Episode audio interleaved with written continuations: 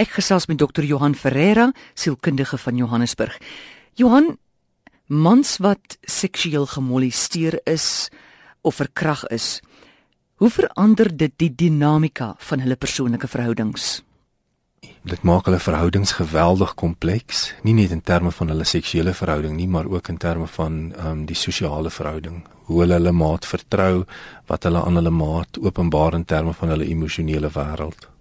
Ja, ek wil weet wat gebeur as 'n man met daai geheim rondloop vir 20, 30 jaar. Dit gaan gepaard met geweldige skaamte. Die die man voel dat hy iets daaraan moes kon doen.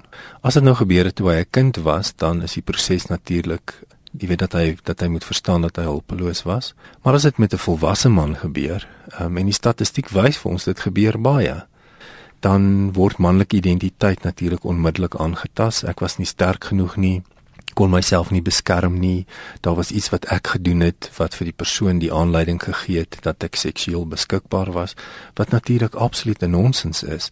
Mm. Verkrachting is nooit 'n daad van seksuele uitlewing nie. Verkrachting is altyd 'n daad van geweld. Jy weet of of 'n vrou verkragt word en of 'n man verkragt word, dis 'n daad van geweld. Dit gaan nie daaroor dat die persoon seksueel geprikkel was deur jou nie. Dit gaan daaroor dat die persoon gewelddadig teenoor jou optree en kies om dit deur middel van die die seksuele idioom te doen. Die daad van geweld is nie gerig op die individu omdat dit die individu is nie. Dit gaan daaroor dat jy beskikbaar was en dit het in daai oomblik gebeur. Dit kan ons net deur baie gesprekvoering en baie insig en baie vlakke van van die onbewuste oopmaak uiteindelik verstaan dat ek myself daarvan moet losmaak. Wanneer hulle dit reg kry, dan kan hulle van die verkrachting dissosieer, hulle kan hulle self losmaak daarvan en dan hulle identiteit terugkry wat natuurlik bevrydend vir hulle is. Hoe ervaar jy vroue se gesindheid in jou praktyk as hulle saam met hulle mans voor jou sit? In meeste gevalle is dit is dit wonderlik om te sien met hoeveel sagtheid die vrou dit sal hanteer. Die manifestering daarvan in die verhouding is natuurlik baie erg vir die vrou want as sy nie die inligting het oor wat met die man gebeur het nie, dan kan sy nie verstaan hoekom hy op bepaalde maniere optree nie. Dit bly net vir haar moeilik. Die gevalle wat ek nou al mee gewerk het waar die vrou by was, het hulle dit baie mooi en sag hanteer. Sy moet natuurlik uit die aard van die saak ook nou met daai inligting binne haar eie wêreld leef. Mans en vrouens beleef baie keer geweldige woede teenoor die persoon wat dit dan nou aan hulle lewensmaat gedoen het. Wat totaal normaal is. Ehm um, ons moet natuurlik nou net nie dink ons hoef iets daaraan te doen nie. Ons kan dit nie beter maak deur iemand te gaan konfronteer of om 'n hofsaak teen iemand te gaan maak nie. As dit natuurlik nou 'n kind is, dan is dit nou 'n ander saak. Dan is mens nou verplig deur die wet om dit te gaan aanmeld. Sal daar nie 'n stuk heling inkom nie? Ek weet dis 'n reis waarop jy jouself moet gaan as slagoffer. Maar sal daar nie 'n stuk heling daarin kom deur net miskien met daai persoon te praat as volwassene en vertel wat hulle aan jou gedoen het nie? As dit iemand is wat jy ken en tans meer verhouding het, mm. byvoorbeeld 'n ouer of 'n familielid of vriende van die familie, moedig ek die mense gewoonlik aan om net eers te probeer bepaal maar wie is die individu? Jy weet hoe lyk die persoon? Is dit iemand wat uiteindelik tot insig sal kom? Jy weet of het die persoon, jy weet soveel patologie in hulle lewe dat hulle dit byvoorbeeld net sal ontken? Nou die mense wat ek al mee gewerk het wat uiteindelik dan wel met die persoon gaan praat en dit moet nie 'n konfronterende gesprek wees nie want dan dan uit die aard van die saak gaan dit nie werk nie. Dit moet gaan daaroor dat weet jy ek wil hê dat jy moet weet dat ek weet en ek wil nou hiervan vrykom. Ek wil vergifnis vir jou gee maar nie omdat ek weer 'n verhouding of 'n kontak met jou wil hê nie. Ek wil net nie meer vas wees aan jou nie.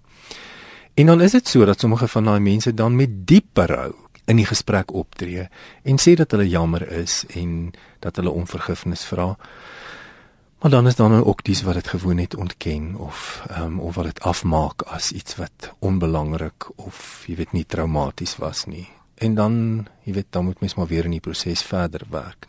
Dis natuurlik baie moeilik vir mans om nie met aggressiwiteit die persoon te gaan konfronteer nie.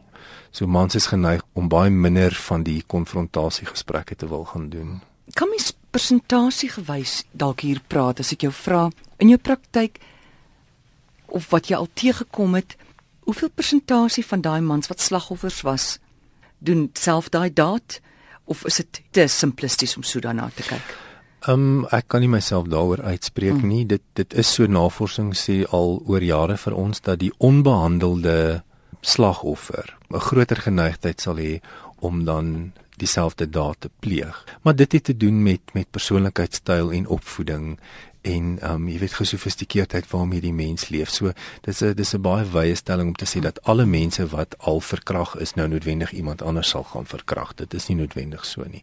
Maar dit bly op die ou uiteinde die beste strategie dat as so iets met jou gebeur het om dit vir iemand te vertel en om uiteindelik te probeer om in 'n proses te betree met iemand wat jy genoeg vertrou wat vir jou kan help om gesond te word daardeur. Um al het dit baie lank terug gebeur. Dit maak nie saak nie. Um om dit net uit te kry, om dit uit die geheue uit te kan haal en te sê ek erken dat dit gebeur het en dan te verstaan maar dit het nie oor my gegaan nie. Ek moet losmaak daarvan. Daar's mos 'n wonderlike stelling wat sê jou biografie word jou biologie. Dis reg. Is daar sekere fisiese simptome wat mans oor 'n lang tyd dan ontwikkel wat nooit hieroor praat nie. Hoë bloeddruk.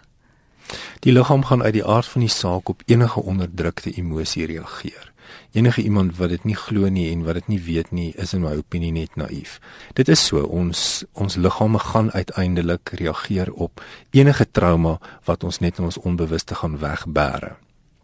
So natuurlik gaan iets soos 'n verkrachting, seksuele misbruik 'n baie spesifieke effek op jou liggaam hê. Dit speel nie altyd in terme van van seksualiteit uit nie, maar baie keer sal dit dan wel doen waar die persoon dan op een of ander manier seksueel afwykende gedrag of seksueel inhiberende gedrag openbaar. En dan as die seksuele misbruik of die verkrachting dan opgelos is, dan normaliseer daai gedrag in die persoon se lewe. So gesels Dr. Johan Ferreira, sielkundige van Johannesburg.